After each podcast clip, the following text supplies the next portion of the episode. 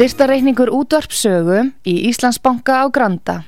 Útubú 513, höfubók 26, reikningur 2.11.11.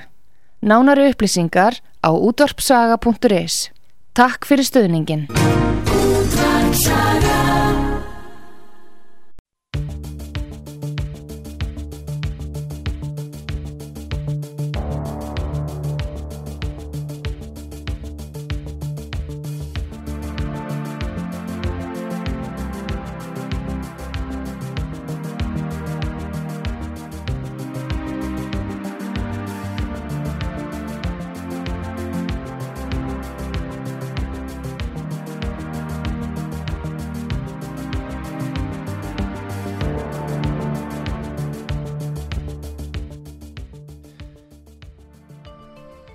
Komið sæli, ég heit Arnáð Þór Jónsson og gestum minn í dag.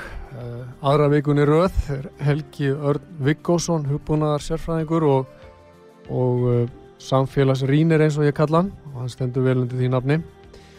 Við, við vorum hér í síðustu viku að ræða eins um svona þjóðmálinn í ljósi koronavirunar og í lok þáttarins kom það fram að við höfum ekki komist svo langt að ræða um uh, hins svo nefndu bóluefni. Og uh, þess vegna vildi ég bóða uh, Helga hinga aftur. Og verður velkomin Helgi. Já, takk hjá að vera að bjóða mér. Uh, Svo við byrjum þá á þessu umfjöldunarefni dagsins að nú voru miklar svona væntingar bundnar við þessi efni og, og menn hérna gerðu sér þær vonir að bóluefnin eins og þau voru þá nefnd, væru lausn á þessum vanda sem við stóðum framifyrir, þessum uh, COVID-vanda. Uh, telur að, að þessar sko, væntingar hafi ræst? Í, nei, enga veginn. Ég held að öll gögn sín okkur að svo er ekki og það sem er kannski verra er að ég held að þessar væntingar uh, byggðu ekki á neinum uh, góðum vísundum Eh, strax og ég hérna eh, strax og við vorum komin með mynd af því hvað átti að vera á hvaða tækni þessi bólefn átti að byggja. Að þá vissu við eh, þá gáttu við farið og lesið vísindin hvað, hvað í þeim fælist.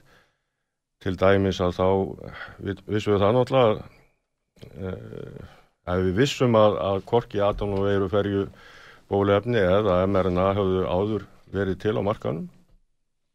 Það kom reyndar eitt uh, leifi fyrir aðanóveir og ferju uh, fyrir ebólu 2020 sem við höfum ekki neinn gögnum svo sem en það sem við gátum séð þegar við lásum bara vísindin um þessa tæknið þá bóða og það sem var verið að færa okkur þarna þá sagði, sagðu vísindin okkur, litteratúrin sem er til að þetta myndi ekki ganga upp. Í fyrsta lagi þá hefur okkur aldrei tekist að búa til sterilæsing eða sagt, eh, bólefni fyrir eh, gegn hverveirum eða veirum sem að smita fyrst og fremst í efri öndunavegi.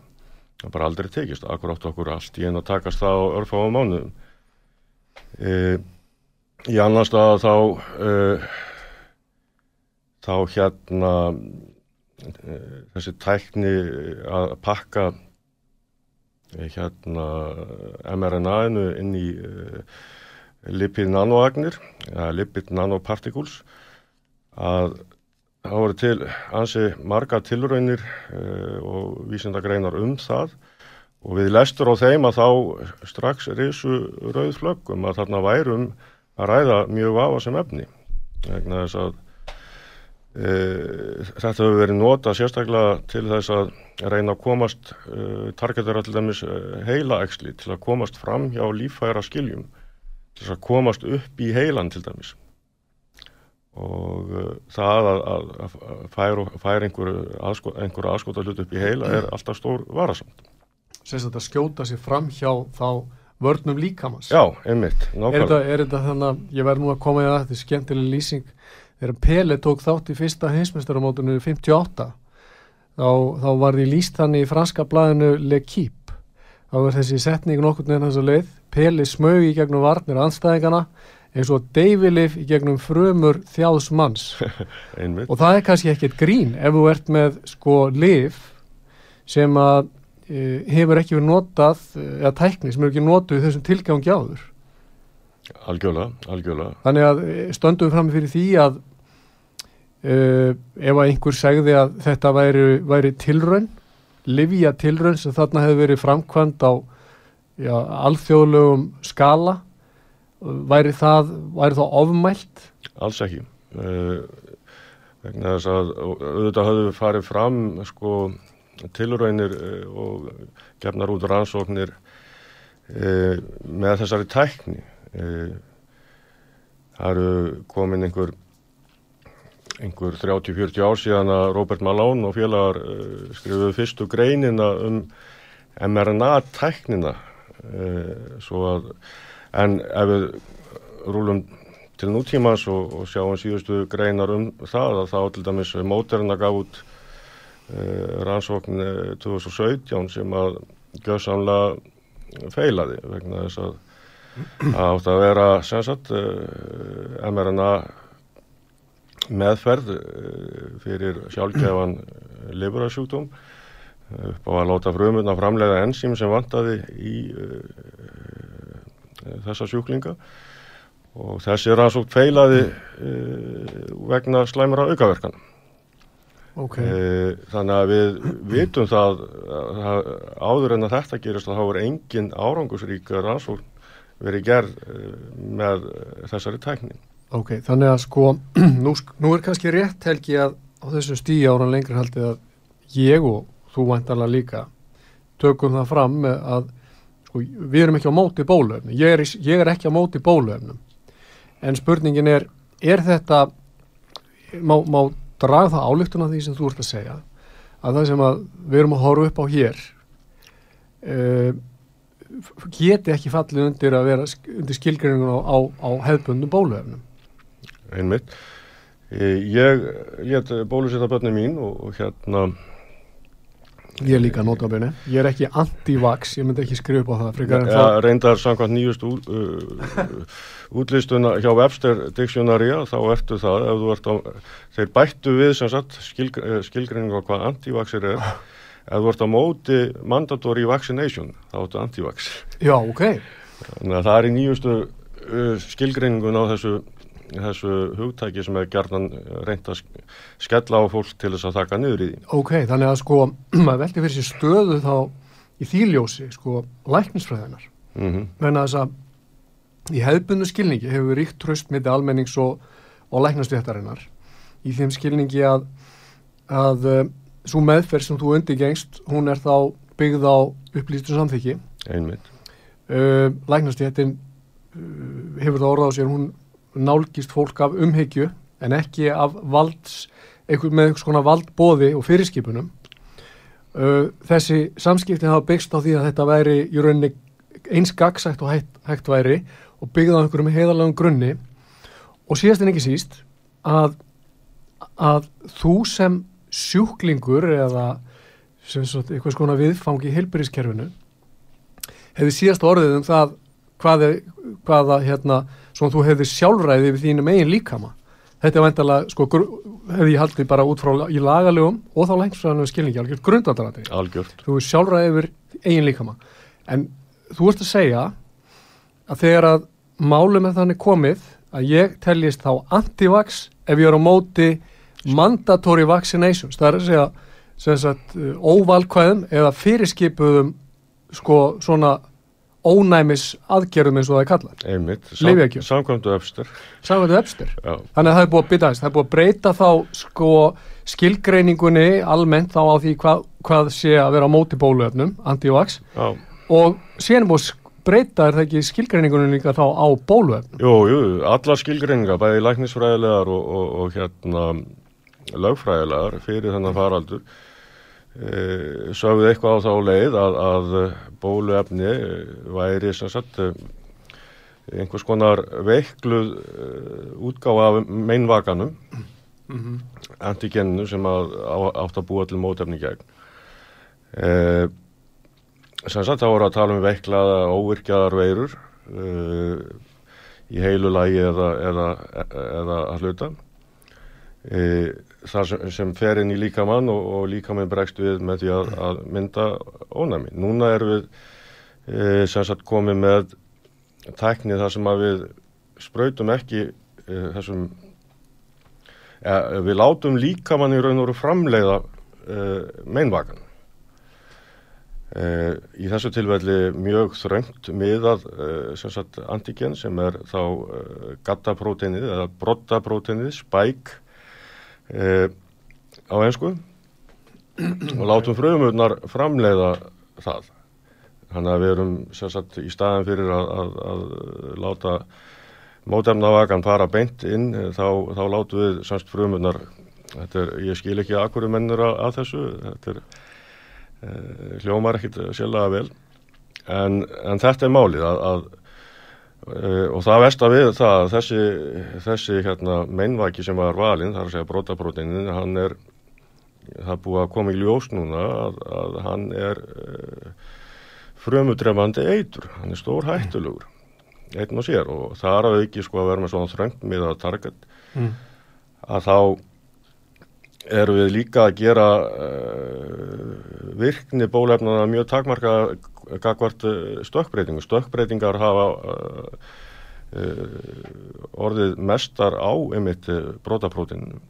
En bara svo sko, hérna, hlustendur og, og ég sé alveg með þér í, í, í þessu ferli, þessari hugsunarferli, að bóluefni í hefbundu skilningi með að því að gera viðtakandan ónæman fyrir veiru. Rétt. Og það var talað um þetta, sko við höfðum ákveðna væntingar til þessara efnaðum og þau myndu gera það. Mm -hmm, mm -hmm. Þannig að ef að þeir sem er að hlusta mun eftir því hérna í áslokk 2020 þá var hérna heilöngu útsending þar sem að flugvel var að lenda í myrkri, var 20 mínútna útsending og síðan var útsending úr hérna höfustöðunum stöðum Distika í Garðabæðum og finna þetta inn á MBL Jú.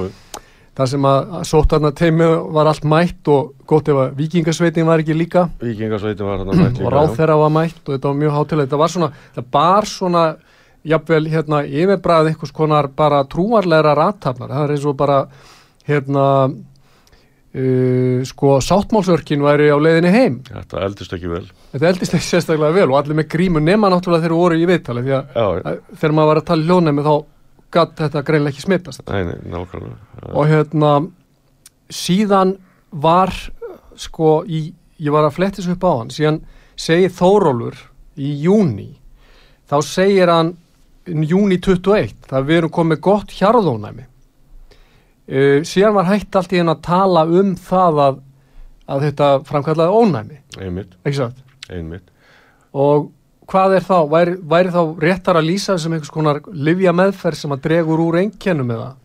Uh, í besta falli sko en, en nýjustu upplýsingar og gögn sín okkur það, það er ekki einu sinni svo gott uh, þetta átt að koma í veg fyrir fyrir að fólk er mjög veikt döðsföll, reyndar uh, hérna uh, þessar bráðabyrða rannsóknarskíslu sem voru gefnar út í byrjun og þessar klínisku rannsóknir voru ekki að, að mæla það.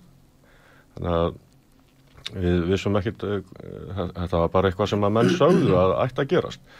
En var í raun og reyn engin stóð fyrir í vísindunum. Mm -hmm. Að, og að tala um hjarðónami, það er nú eitt sem að breytist líka, að búið að breyta hellings, helling af skilgreiningum. Fátsi er búin að breyta skilgreiningun á hvað gain of function er og komið með eitthvað nýtt hugtak fyrir það. E, þannig að, og, og hú breyti skilgreiningun á hvað hjarðónami var í, í skilgringunni sem var áður að þá var talað um að, að náttúrlegt ónami veri best og, og að hjarðónami næðist með því en svo í nýjustu skilgringunna þá er, er bólefni orðið aðalatrið í hjarðónami. En varðandi þetta hjarðónami að þá þá vil ég meina það að, að við vissum vel að þessi efni kemur ekki til með að, að skapa það, við vissum það fyrirfram. Sko ef, sko, ef þú, þú, Helgi, þú ert læs á þessar vísindagreinar. Uh, og þú segir að bara veist, sá sem er læs á þennan þessa bókmentagrein sem við skulum kalla þetta bara litteratúra og vondur íslensku Já, hefði getað séð það í hendi sér bara strax eða mjög fljótlega að þetta myndi ekki hafa þau áhrif að valda hjarðónami algjörlega. Uh, hvernig ber að skilja það að, að uh, eins og ég segi að, að, að menn sem eru hér leiðandi eins og Þóróli Blesaður tali þá svona við móttöku þessara efna? Já, það er einhver agenda þar sem að... meina, er hann ekki læs á þess að greina Jú, jú, jú, og hann, þú veist, sagði í byrjun að, að grímur gerðu meira ógagn en gagn, svo breyttist það allt í hennu á þess að neinn vísindi breyttust, þannig að við erum bara að tala um einhverja pólitík, einhverja agendu, það er engin, engin hérna góður rauk fyrir þessu. Ok. Eh, þannig að Og meiri segja sko, hún þannig að Súmaja Svama þann eh, sem er vísindastjóri hú, sagði það þegar að fyrstu eh, tilkynninga komu um eh, niðurstöður bráðabæra skýsluna frá Pfizer til dæmis að eh, hún gaf það vel og sterklega í skinn að, að þessi efni kemur ekki til með að skapa uh, ónæmi eða Ok.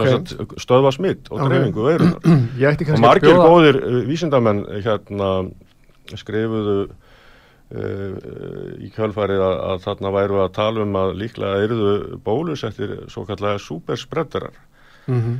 uh, ofur dreifarar vegna þess að þeir myndu hugsanlega fá minni einkenni Mhm. En myndu samt smitast og færu þess vegna í vinnu í staðan fyrir að vera heima veikur eins og maður á að gera það að maður fær eh, flensu eða eitthvað álíka og þar með uh, hjálpa við að auka dreifinguna. Mhm. Sko, hérna, ef við leifum fólki að njóta af hans og kannski bara býði ég Þóróli að koma henni í viðtal þegar hann sestur í Helga Stein. en sko, þá ger ég mig, þá svona ímyndaði mér að fólk sem að hefur tekið að sér að leiða hér þessar uh, svona þessi viðbras, áallanir og, og lýsa þjóðinni leið út úr myrkrinu Mm sé í ákveðinni klemm þannig að þess að þau geta ekki tala niður til þessara efna kannski á þess að ímynda sér að þessu þá að vekja upp óta við bóluefni Almennt. almennt Það er búið sá skæði þegar, þegar skeiðu sko. Annars myndur þú telja hans hafi Já, skeið nú þegar og þá er ég að tala um uh, bara skoðanakannar í vandargjónum og víðar mm -hmm. þar sem að uh, það hefur orðið mikil, mikil brestur á trösti og líka, líka fólk verður uh, gaggrína, gaggrínara í hugsun uh, við allt þetta sem hefur á sér stað. Og, og uh, er hægt að treysta stopnarnir Mhm. eins og CTC og FDA njóta nánast einskins trösts lengur í bandagjónum ég hef verið að lýsa þessu þannig svona upp á síkasti að það hafi mögulega átt sér stað bara hreitt trúnaða brestur milli almennings annars vegar og svo þessar stopnana sem hefur að starfa í þá almennings. Já, og ég verið að velta í því upp sko með spurningamerki nótabenni hvort að í raun og veru þeir sem þar starfa og stofnarinnar sjálfar séu á vegferð sem þjónar þeim sjálfum en ekki einhverju sem mætti kalla almanna heil sem væri býsna alvarlegt mál. Einmitt. Og að baki gæti þó staðið uh, fjárhagslegir hagsmunir uh, einhver starfsframi og slíkt Já, uh, þetta er hvernig, náttúrulega- hvernig skýrum við þessa atbyrðás? Þetta er risa uh, stórt mál, ég held að það er náttúrulega rosalegi peningar í þessu en ég held samt sem áður veist, ef, ef við horfum á bara styrkina sem að þessi hérna lifjafyrirtæki fengu uh,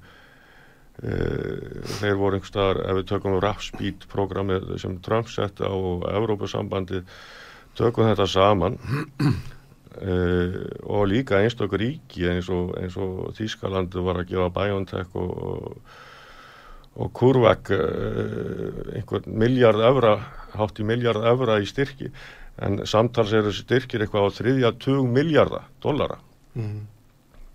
þú hefði getað rá- ráðið allar lífræðingu í heiminum uh, fyrir þessu upphæð uh, í ábyggilega nokkur ár Mhm. uh, þannig að, að þarna strax uh, sko það er engin fjárhagslega áhætta.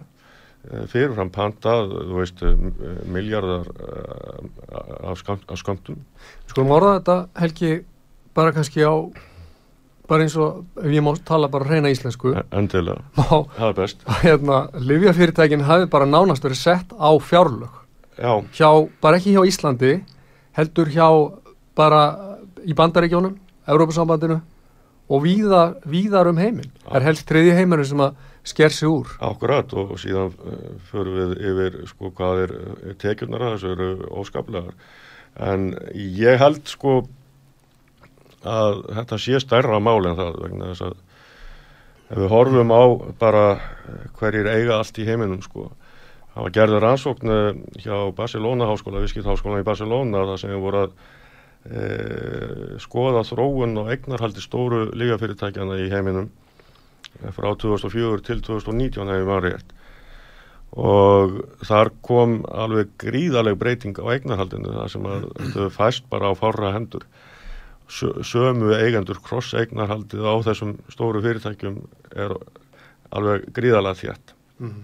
og þessi sömu eigendur eru þá að fara líka með eignarhald á fjölmiðlum stórum e, fjármálastofnunum og svo framvegis. Þannig að við erum að tala um aðela sem að eiga alla peninga í heiminum og stjórna efnahagskerfum heimsins að miklu leiti og stýra það og styrkja hérna, stjórnmálamenn er það ekki? E, jú, eins og við fórum yfir við í, í, í síðasta þætti að þá er, þá er, er búið að kaupa bæði stjórnmálamenn og jáfnvel en, sko ég, ég veit að það er fyrir utan sko, umræðefnið hjá okkur í dag en ég vil bara hverski hvetja hlustendu til þess að íhuga þetta aðeins. Og þessa í rauninni þessa ótrúlegu þversög sem að byrtist í stjórnmála á stjórnmálasviði nútímans þar sem að þeir sem eru svona já, vinstra með við miðju eru orðinir helstu stuðningsmenn alþjóðleira stórfyrirtækja og þar með sérstaklega kannski þessar fyrirtæki sem þú ert að lýsa. Einmitt. þannig að stórkapitalið nýtur nú hérna útbreyts og, og fullkomins nána stuðnings hérna sósjaldemokratískar flokka. Já, sem segir okkur kannski líka hva, hvað svo úrælt þessi vinstri og hægri gildi eru. Já. Vegna þess að ef við horfum til bandarkjan þar sem að polarisingin er kannski einna skýrust Einmitt. þar eru demokraterni sem að eru að, að fyrst og fremst að, að promótera uh, þennan óskapna sem að við erum að verða vitnað hefum verið vitna, vitnað að undahörnu Já meðan að anstæðan kemur helst frá republikum Já, nákvæmlega þannig að það það eru ótrúlega, er ótrúlega merkilegi tímar í, í, í þessu tilliti. Algjörlega. En sko, því að maður er að reyna að greina þetta og horfa á þetta svona, segjum við bara úr einhverju svona, svona loðrétt og reyna að greina munsturinn í þessu. Mm -hmm. Að, sko, bla, mætti reyna að lýsa sviðsmyndinu þannig að einhverjir, þetta sé tiltöla fámennur hópur þá, hvort sem það eru þá hagsmuneigandur uh, sko livja sem sagt uh, fræðingar og læknar mm -hmm. Sem að eru að uh, telja þá jafnvel ungu fólki uh, trúum að það þurfa að taka liv sem að hefur samt enga þörf fyrir einmitt, einmitt. og að fjölmiðlar séu þá notaðir í þessum tilgangi það blasir eiginlega við Já. við vitum það að, að, að koronaveiran hún skapaði enga áhættu fyrir e, ungt fólk þessu var nú samt bara ekki haldið neitt á lofti, ég menna það var í rauninni við tölum um að síðast því var sko málflutningur gekk allur út og þetta væri veira sem væri öllum jafn skadaleg já, já, það var engin greinamönu gerður á gömlu og ungu. Og svo komur raukin, þú veist, þegar sagt var að, að börn til dæmis uh, veikjast ekki að þessu almennt. Og við höfum stóra rannsóknir bæðið frá Þýskalandi og, og Svíþjóð þar sem að bara uh, börn uh, voru varlað lögð í þessu stóru löndum inn á spítala út af þessu mm -hmm. uh, en, en svo áttu að, að, að spröyta þau til þess að venda gamla fólki mm -hmm. þetta, þetta er bara svo mikil lígi þetta er svo mikil, mikil óheiðarleiki þess að við vitum það að, að bólefnin kom ekki við fyrir smitt mm -hmm og líka þá átt að reysa sagt, alla þessa þessa skildu bólusetningu sem að hefur verið í gangi vís, vísvegar um heiminn og, og bólusetning að passa einhvers konar kynvæst uh, social credit system uh, á því að að, að fólk uh, smitaði ekki að það væri bólusett. Sem við vitum núna er, er allir vitan núna að það er, er ekki satt Sko það er til stopnun í Breitlandi sem heitir, hún heitir UKHSA mm. þetta lítur að vera United Kingdom Health Service Authority Já. og samkvæmt uh, því sem að mér sínist að þá hefur þessi stopnun í rauninni gefið þá út að þrý bólusettir séu líkleri til að hafa koronavirun og dreifenni. Já, það er rétt. Þetta eru tölur frá öllum landum í dag uh, að Já. segja okkur og þetta var að gerast líka fyrir hérna eh, Omikron okay. það var stór rannsókn observatóri rannsókn ég man ekki hvort að það var 30 miljón manns skoðaðir mm -hmm. í Kaliforníu og New York og þar kom fram til dæmis að og þetta er fyrir Omikron notabenni Já. Að uh, bólusettir Kaliforníu búar og New York búar voru þrjusasennum líklegri til að veikjast af COVID heldur en þeir sem voru sannsagt óbólusettir Já, sko þetta myndur þú vantalega ekki heyra mikið um í fjölmiðlum eða hvað? Nei, ég hef ekki séð neitt fjölmiðl fjallum þetta okay. og sama með sko öll þessi döðsföll uh, sko í þessum, bó, uh, þessum gagnagrunum þú talar um tölum frá Breitlandi sko í flestum löndum þá hefur það verið þannig að að það hefur verið skráð sem COVID döðsfall þeir eru 28 dögum eftir uh, sagt, COVID greiningu. Semst að þú greinist með síktus með, með þessa veiru jafnvel þó að þeir í bílslýsi og, og, og eins og mörg dæmi eru tilum mm -hmm.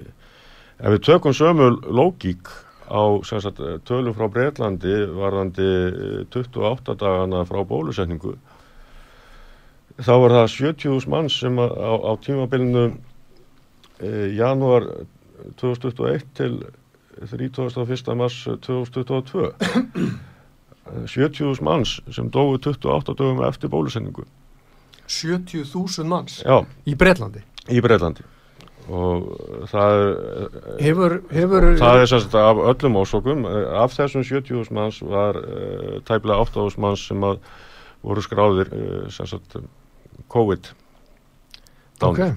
Hva, hvar eru þessar upplýsingar? Þessar upplýsingar koma bara frá uh, ONS sem er uh, breska hagstofan Já. Og það er fólk er við um heim núna að, að krefja stjórnvöld uh, með sagt, uh, byggt á upplýsingarlögum fója ríkvest eins og þau kalla um allskins svona upplýsingar og þessum aðlum er skilt að uh, skaffa þessar upplýsingar ef þú byður Hagstof Íslands um einhverja svona upplýsingar umfram það sem þeir byrta á efnum sínum þá ætla þeir að rukka eða hellinga pening fyrir það mm -hmm. þannig að við hér á Íslandi er, eru við einna þetta er svona svip og í kommunistalandi þar sem að engar upplýsingar liggja fyrir í raun og veru gagliðar en yfirleitt í þróari lýræðisríkjum að þá er hægt að, að krefja stjórnvöld um Uh, upplýsingar eins og þessar sem að ég er að vísa í hér. Já, en þetta sko, að ég ætla ekki að reyngja alls ekki það sem að þú segir, ég bara segja ég vil undirstyrka að þetta getur verið augljóslega mjög hérna, óþægilegar upplýsingar fyrir þá sem hafa rekið áróður en hvað harðast sem eru vissulega stjórnvöld á vesturlöndum Einmitt. þannig að það lítur að ákveðin svona fristnefandi að hæja á upplýsingarferlinu og reyna að færa myndina já, já, já. þannig að nú reynir nú alltilis á stjórnastofnanir eftirlitstofnanir ímsar heldur betur og, og núna erum við líka sko það sem við erum að sjá gerast ælendis núna eins og flestum með kundugdöfum sem fylgjast eitthvað með þessu er að uh, Pfizer skjölin sem átt að halda leindum í 75 ár í 75 ár eftir að fór fram á að halda þessu leindu fyrir okkur í 75 ár sem er bara alveg fáranlegt að uh, það sem kemur fram í þessum skjölum og fólk er að, að þetta er náttúrulega gríðalegt magn upplýsinga núna var það sérst dómstótt sem að úrskurðaðan um það þeir ættu að að leysa, uh, gefa út þessar upplýsingar uh, í sköndum á einhverju rúma ári. Þessar upplýsingar það sem, sem þegar er komið út er bara hryllingsmynd. Þessir aðalega vissu af eiginlega öllu sem við erum að sjá þeir vissu að þetta kem ekki veg fyrir smitt vissu að þetta kem ekki veg fyrir alvarlega veikindi eða döðsföll þeir vissu að þetta skapaði gríðalega alvarleg, eh, hérna, alvarlega raukaverkanir þeir vissu að, að eh, þetta skapaði eh, gríðarlegan hérna ungbarnadauða e, og sem sagt við erum að tala um e, í, í þessum skjölum hjá þeim að þá uh, þeir í fyrsta lagi þá í klínisku rannsóknunum þá voru ólétta konur ekki leiðar en það urðu uh, ef ég mann rétt 270 konur óléttar. Og það var skoðað sem sagt uh, ég man ekki alveg tölunar hárund ákvæmt en, en af þeim tilvíkun sem voru skoðuð það var 89% eh, eða hvort það voru 78% alltaf mikil meiri hluti sem að mistu fóstur eð, uh, af þeim sem auðvitað óléttar á meðan uh, rannsóknir stóð.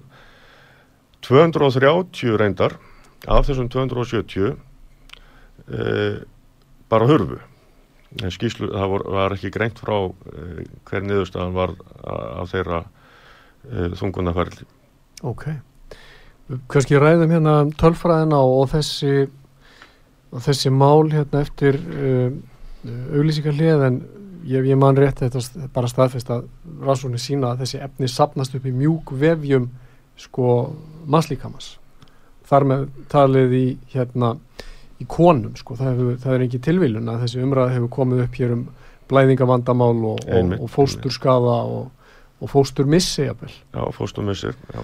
Þannig að þetta er sorglega umræð en við, við höldum henn áfram hérna eftir auðlýsingarlega.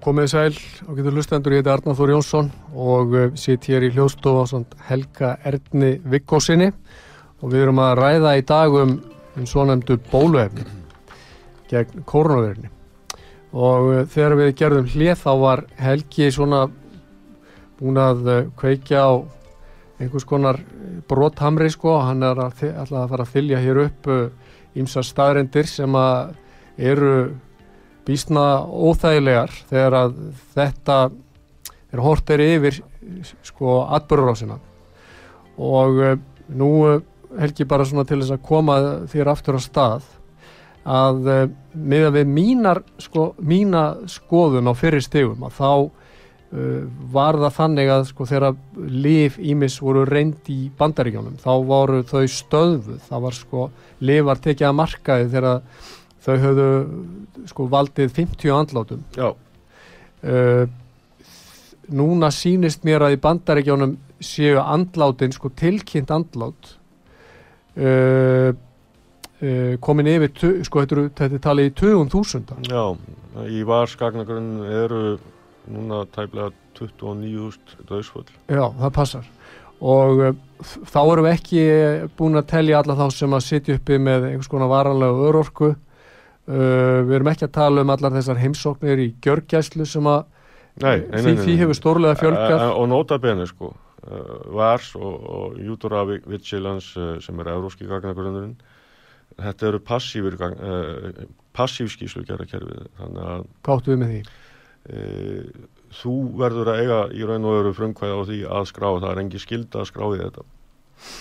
Og Já Samkvæmt uh, stóri rannsók sem var gerð uh, hjá Harvard fyrir HHS í, í bandaríkjónum uh, miljón dólarar rannsókn að þá komast þeirra þeirri niðurstuðu að uh, vanskráningarhlutvallið er alveg gríðalegt uh, almennt séð, langu fyrir COVID-faraldurinn að væri cirka 1% af, af tilfellum skráð í raun og veru okay. Nýleg rannsók frá Kolumbíja háskóla sínir að döðsföll í varsju að minnstakosti að vannmetin 20-falt þannig að þú mátt að minnstakosti markvalda þetta með 20 samkvæmt þeirri rannsók Getur við væri, ó, væri sko óviðegandi ég býst við að flestir sem að hlusta Íslendingar séu ennþá á þeim stað þessi efni séu á einhverju svona helgum stalli og þar að leiðandi séð óviðegandi sem ég ætla að fara að segja. Mm. en, en sko mætti ímynda sér að svona með hliðsvon af þeim tölum sem við höfum erlendis frá að uh, stór stór hlutfall svona skyndi döða til dæmis á Íslandi gæti tengst bólu eða þessum, þessum livjaspröytum mm -hmm. og uh, það hefur hverki verið sett í samhengi við spröytuna. Það má ekki segja það í fjölmjölum við erum að sjá þú veist í vestrannum fjölmjölum Uh, á því ári sem er liðið síðan að uh, yngri aldursópar voru bólusettir þá verðum við búin að sjá sko af íþróttafólki fréttir falla niður dáið á íþróttafellinum það eru 1100 tæplega 1100 fréttir samkvæmt einum uh, sem heldur utanum um hlekki í þessa fréttir og sem sagt af þessum 1100 þá eru 700 dánir. Eh, þetta er hraust, eh, ungt, helbrygt eh, íþróttafólk sem að fellur bara skindilega dáið niður á íþróttafellinu og við erum að tala um allt niður í, já það versta sem ég sá var frá Spáni, sex ára gammal drengur deyra á fókbaltafellinu deginum eftir að hann fekk fæsesbröð í Valenþía hér að því á Spáni. Mm. Þetta er alveg hræðilegt og við sjáum þetta líka í gagnagrunum, við erum að sjá fréttir frá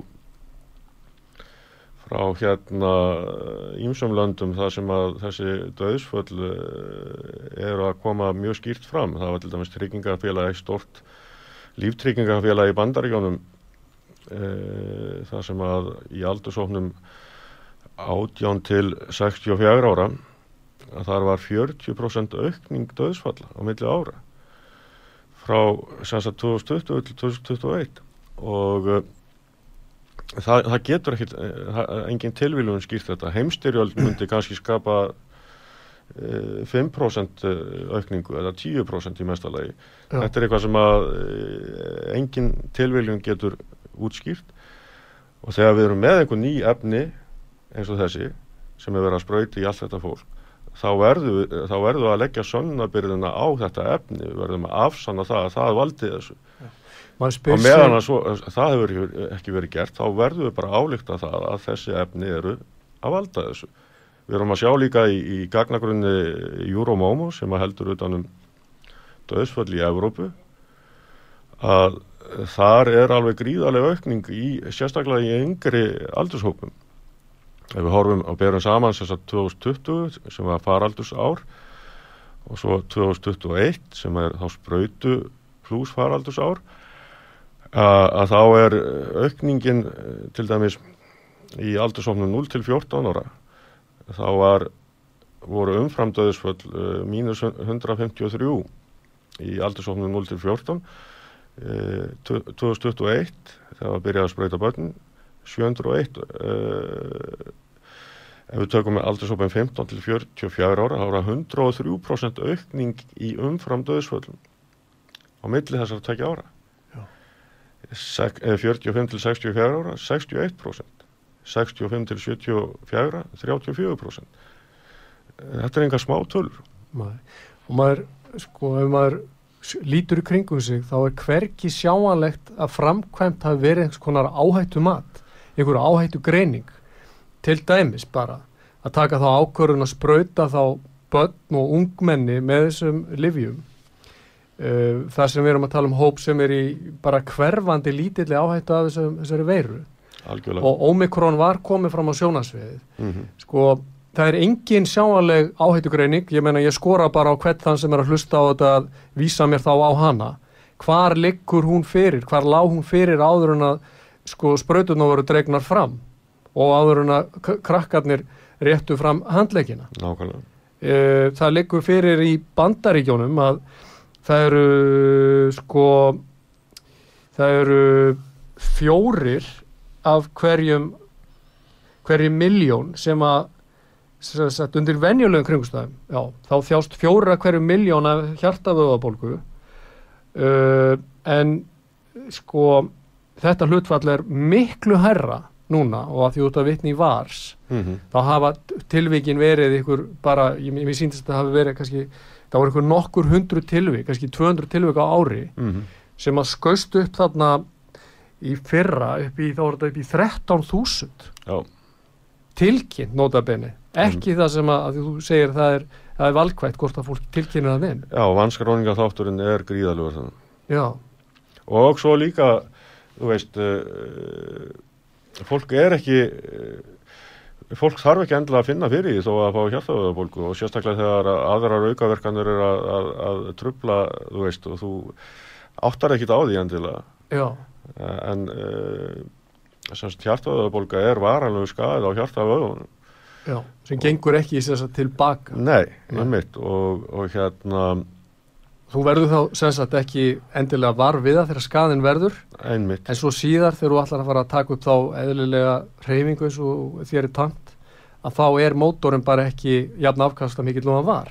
Þetta getur þá verið útskýrt að hluta til okkur íþróttamenn eru að lendi í þessu svona umfram aðra. Já, þeir eru virkilega að reyna á, á, á hjartað og, og, og, og það springur. Já, en nú, nú er að koma fram að að þetta er þá getur verið dulið að vissu leiti en svona lömunarveikis eh, tilvik. Já, mér langar aðeins að klára þetta með, sko, að með hjartað að, að, að var til dæmis uh, hann er þekktur hjartalæknir sem ég er búin að gleyma nafnin á.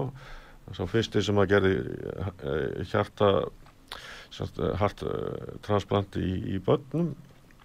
Uh, hann var með stóran hóp sem hann er búin að vera að rannsaka í átta ár. 500 og eitthvað manns. Og hann hefur mælt ákveðin bólgumörk í hjartanu uh, í uh, mörg ársast hjá þessum hópi. Og hann mældi hann fyrir bólusetninguna og svo eftir. Og allur hópurinn 100% voru með hækkuð bólgumörk og voru enn í háum gildum þegar hann uh, slúktaði rannsókninni. Þannig að, að þetta er þetta er og, og fólk ætti að láta mæla sig virkilega Já, sko, En varðandi, þetta getur verið eins og ég segi dulin vandi Já. sem kemur fram jafnvel bara mánuðum eða mörgum árum síðar. nákvæmlega, það voru einmitt eh, tveir íslenski hjartalæknar sem skrifuðu greinum þetta í morgunblæði, það sem voru að vara við eh, bólusetningum á ungum börnum Einmitt. sem að einmitt sögðu það að þetta og staðfestu það sem ég er að segja semst, að, að, að þetta getur komið svo fram mörgum árum setnum Já, en það sem er að gerast núna er þóldið merkilegt, er að, að, að það er kannski ekki þetta að fela svona staðreindir, við, þetta eru staðreindir, einmitt, uh, það er ekki hægt að sópa þessu endalist undir teppið. Neini, og þá kemur núna svona það sem að sést með bara berum augum og fer ekkert á milli mála, svona lömunarsjúkdómar eins og ég kannu ekki einu svona að bera þetta fram, Gillian, hvað heitir þetta? Guillain-Barré syndrom er, Já. er einn eh, algengastur kannski Já, þetta kom núna, það það eru bara stórmerkileg tíðindi núna fyrir svona cirka tíu dögum mm -hmm. að þá kemur svona stór fjölmiðil virtur heims fjölmiðil svo telegraf, Mhm. Daily Telegraph í Breitlandi og segir frá þessu að það er sem búið að byrta vísindagrein sem að í rauninni bara staðhæfir að það sé aukin tíðni þessa sjúkdóms verulega aukinu hérna í tilviki þeirra sem að uh, hafa undirgengist uh, sprautur. Við höfum líka nokkuð börn á Íslandi sem að þegar hafa orðið fornalum þessa. Það var, ég bara hvað hva getur maður sagt? Er þetta staðfest, ég meina hvar getum við er, er lindar hjúpur um þetta, ég veit að þetta komið fram í hvað einu fjölmiðli á Íslandi En það er dauða þögnum þetta í öðrum fjölmiðlum. Já, það kom reyndar fram í öllum fjölmiðlum held ég, eða flestum, það var 19 ára stúlka sem að... Já, reyndar, hann er í upphafi. Já, hann er í upphafi, sko. Að, en, en svo hefur ekki verið fjall, uh, jú, það er, það er augljóst að það er að þakka niður og að hverju er, eru fjölmiðlar ekki að spurja spurninga, við erum með í þessum gagnakunum, þessum ofenberu gögnum, VARS og, Júdóra Vigilans uh, Evróska gagnagrunum 8-10.000 nálagt 8-10.000 döðsfull sem eru skráð. Og í VARS gagnagrunum þá er þetta er svo áberandi þú veist.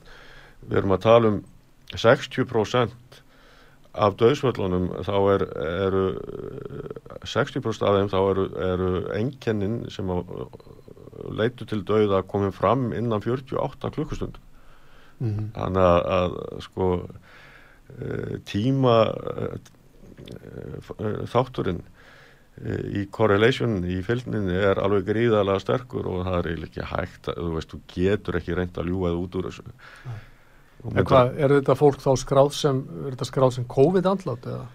Í, í sömum tilvægum, já. já og við höfum líka dæmum það hér á Íslandi dóttir mann sem að dó uh, hérna sæði frá því að hann var skráður sem COVID á en, en, en hann uh, dó í raun og var út á spröðun mm. og enginn var á því. Sko, það er svona áhuga áhugjefni mitt sérstaklega í þessu. Svona með hlýðsjón af þetta því sem þú ert að lýsa. Mm -hmm. að uh, ríkið í raun og veru tel ég og ég vona að flestir séu sammála mér með það á að veri því sko hlutverki að leiðbeina en ekki að skipa fyrir. Algjörlega, á að vera þjóðn okkar. En, já, en þarna var, sko þvingurnar voru settar á fólk frá öllum mögulegum hliðum. Og hérna við þekkjum mörg dæmi þá fólk hefur verið ekki úr vinnu. Já. fólk hefur verið bara sko nánast sko útýst úr mannlegu samfélagi sem ekki vildi undirgangast þetta. Nákvæmlega. þó að Íslands stjórnvöld hafi ekki gengið skrefið alla leiðir svo sögum önnur. Einmitt. Þannig að það, þetta er svona mjög mikið áhyggjaefni svo þróun sem að hér hefur átt sér stað og hún er enn verri ef að það verið að breyða síðan yfir hugsalega skafa af þessu Jájú, það er við, við, við erum við, veist uh, uh, lígin sem hefur komið, ég, ég vil bara kalla þetta eins og nota reyna íslensku frá Þórólfi og hans liði mm -hmm. er alveg, það er hæðilegt að horfa upp á þetta mm -hmm. Uh, og, hefur, og börnin virðast, virðast hafa verið eitthvað sérstakt uh, uh, hérna horgánsatrið að koma þeim í sprautuna við vissum náttúrulega rökin fyrir því að voru engin, engin góð rök fyrir því að sprauta börn sem hafði enga áhættu af því að síkjast að þessar veiru þeirra allavega ekki enga áttu að veikjast að þessar veiru Nei, nákvæmlega, Já. þeirra innbyggða höfðu margar rannsóknir veist, sem að sögðu það að það væri bara þvægla 17.000 læknar, virtir læknar eh, skrifuð undir yfirlýsingu og með stuðningi á, í vísan í, í meira en 100 rannsóknir eh, sendu yfirvöldum eh, sagt, elendis opi bref þar sem að þetta var fordæmt að hægt að gera þetta mm -hmm. Þórólfur hann talaði alltaf um það að það er nýtt afbreyði kom breska afbreyði delta að nú þurft að þetta hefði meiri og verri áhrif á börn. Núna væri þau sagt, í meiri áhættu. Alltaf þegar hann sagði þetta þá bara tjekkaði á vísindunum og reyndi að finna einhverja stóð fyrir það sem hann var að segja. Það var alltaf ósatt. Mm -hmm. og svo uh, fyrir þingnemnd eh, velferðar og, og hvað var það heilbreyðisnemnd þá var fulltrúið Þóróls uh, að og ég skrifaði mitt hérna grein þar sem að ég tók uh, allar hennar fullirðingar og, og síndi fram á með tilvísinum í rannsóknir e, og ofinbergögn að eiginlega allt sem hún sagði var ekki samkvæmt sannleikunum. Var það Kamila? Já. Sko, ég veit ekki, ég, ég ætla nú bara að fá að fá svolítið að þessu tilefni. Sko, er það þá, sko, er það þannig að, sko, getur við ímynda okkur að það hefði verið, hvað, var, hvað er maður að kalla þetta? Var reygin sko hræðslu áróður? Alveg og það er eiginlega, þú veist, það lag út hjá þýsku hérna Corona Task Force uh, ríkistjórnarinnar uh, þeir settu fundagerð óvart á efum hjá sér Já, það sem var fjalla um á þeim fundi bara hvernig ætti að ræða fólk.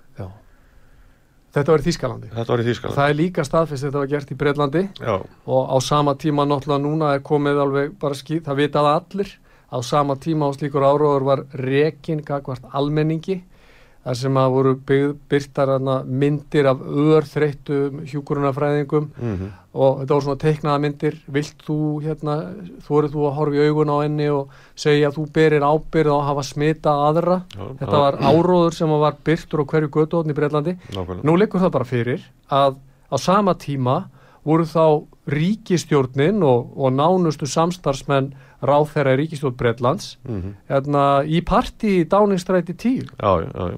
grímulausu nótabene Og ég tók nú meira eftir sko líka öllum myndböndunum sem við fengum að sjá fallegar uh, hjúkur uh, dansa fyrir okkur. Já, Uh, það virtist ekki hafa verið mikið að gera en það voru margir spítala bara auðir sko.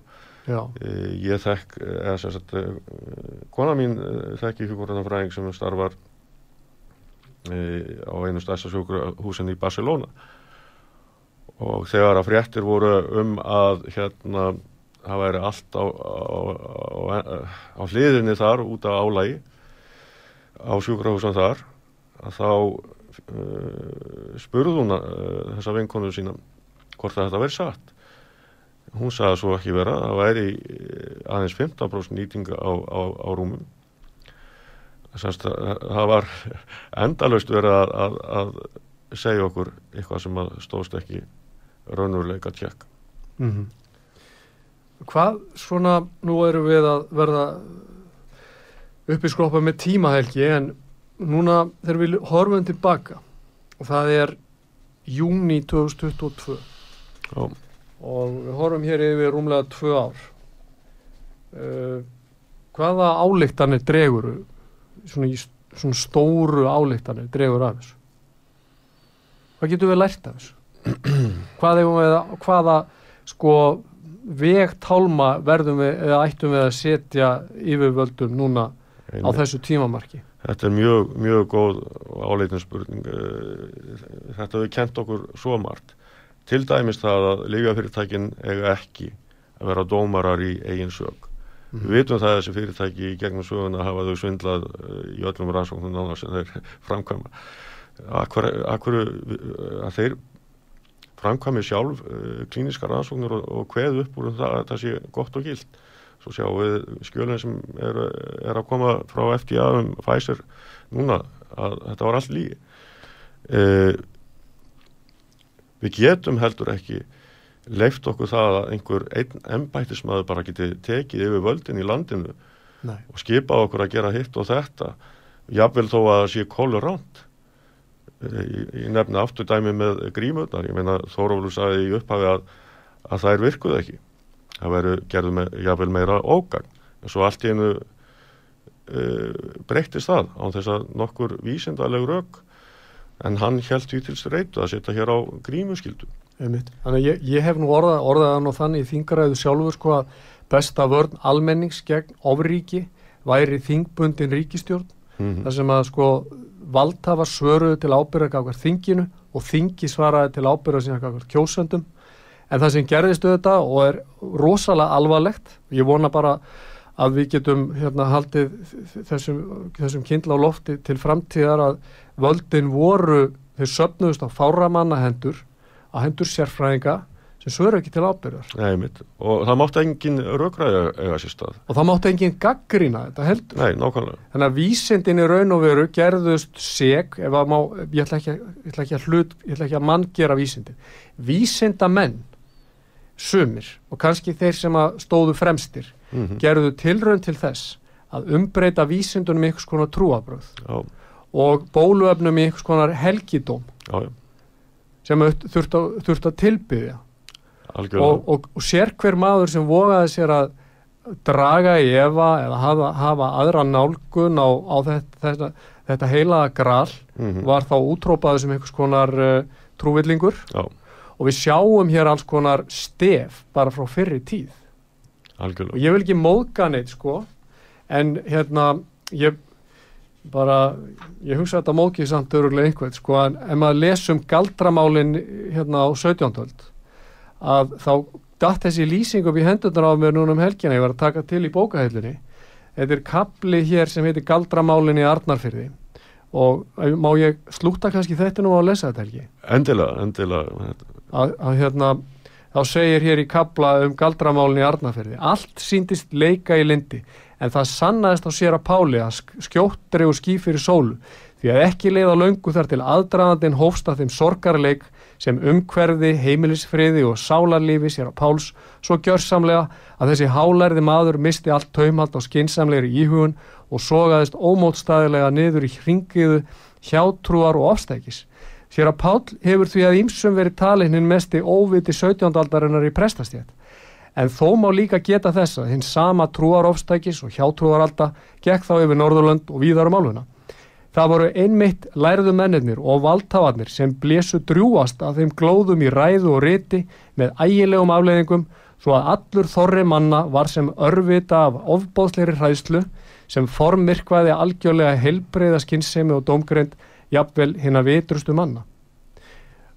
Sko, þegar þú heyrir þessa lýsingu um svona í raun og veru svona sturdlunar ástand sem greit um sig þar sem að henni lærðustu menn voru hvað vers, gengur hvað harðast fram Alveg. að uh, þá er það kannski ekki óeðlegt þó að leiti samsvörunar við nútíman og við vitum það í Þískalandi og víðar þar sem að svona allræði stjórnarfar hefur tekið hérna öll völd þá hafa oft verið sko henni lærðustu menn sem hafa verið herskáastir og ofstækisfylstir þannig að það að treysta sérfræðingunum eins og var nú notað hérna mm -hmm. og hlýða eins og var nú notað líka já, getur ekki endilega verið góð hérna svona öryggisráðstöfun fyrir bara líðræðislegt stjórnarfar. Nei, þetta er svo skýrt. En segjum Helgi bara hérna rétt í lokin fólk sem að allar þá núna vonandi að taka ábyrð á sín eigin hilsu hvaða ráð myndur þú gefa þeim fyrir utan þá mögulega bara slökka á þessum hérna, fjölmjölum hvað, hvað, hérna, hvaða ráð getur þú gefið fólki? Hvernig beitir fólk sinni eigin dómgreind? Því að það er ekki allir að lesa læknagreinar eins og þú. Já, nei, en, en það er náttúrulega til mjög mikið á góðu efni frá góðum læknum uh, sem að er á mannamáli. Það er að byrja bara að finna það, það er erfitt að finna það ef þú, ef þú googlar í dag til dæmis, Google er náttúrulega í þessu liði Já. að þá beinaður er yfirleitt á sagt, þessa aðela sem að eru að stjórn okkur eh, Hvaða leitavel getur fólk þá nota? Það er eh, alltaf að vera erfur og erfara það er einn sem heitir Brave sem að fólk er að nota mikið önnur sem að má valla að nefna núna, hún er rúsnesk og heitir Yandex yandx.com ah. hún er algjörlega órið skoðu sko okay. þannig að ég mæli með því að, að fólk noti hana sérstaklega í heilsu tengdu efni Trist, ert að segja Helgi þetta, hún skal alltaf passa þig ert að segja það að almennur hinn er almennu borgarar að þeim sé treystandi til þess að fara inn á svona leitavelar og leggja sjálfur sjálft mat á það hvað gæti talist hérna uh, góðar upplýsingar? Uh, já, ég, ég yfirlegt vil ég treysta fólki. Samála, ég er enda samála mm -hmm. ég vil bara segja það líka. Já, þú vil treysta fólki. Og, og vitum aður hann verður að komast, hann kemst alltaf að eigin niðurstuðu, hann lætur ekki mata sig og, og, og þú veist, læri eitthvað eins og páagökur. Uh, það er ekki vitum aður. Góður, góður Helgi. Takk fyrir kjærlega. Takk sem leiðis. Ég þakka þeim sem lítu. Þetta er nú með lókið.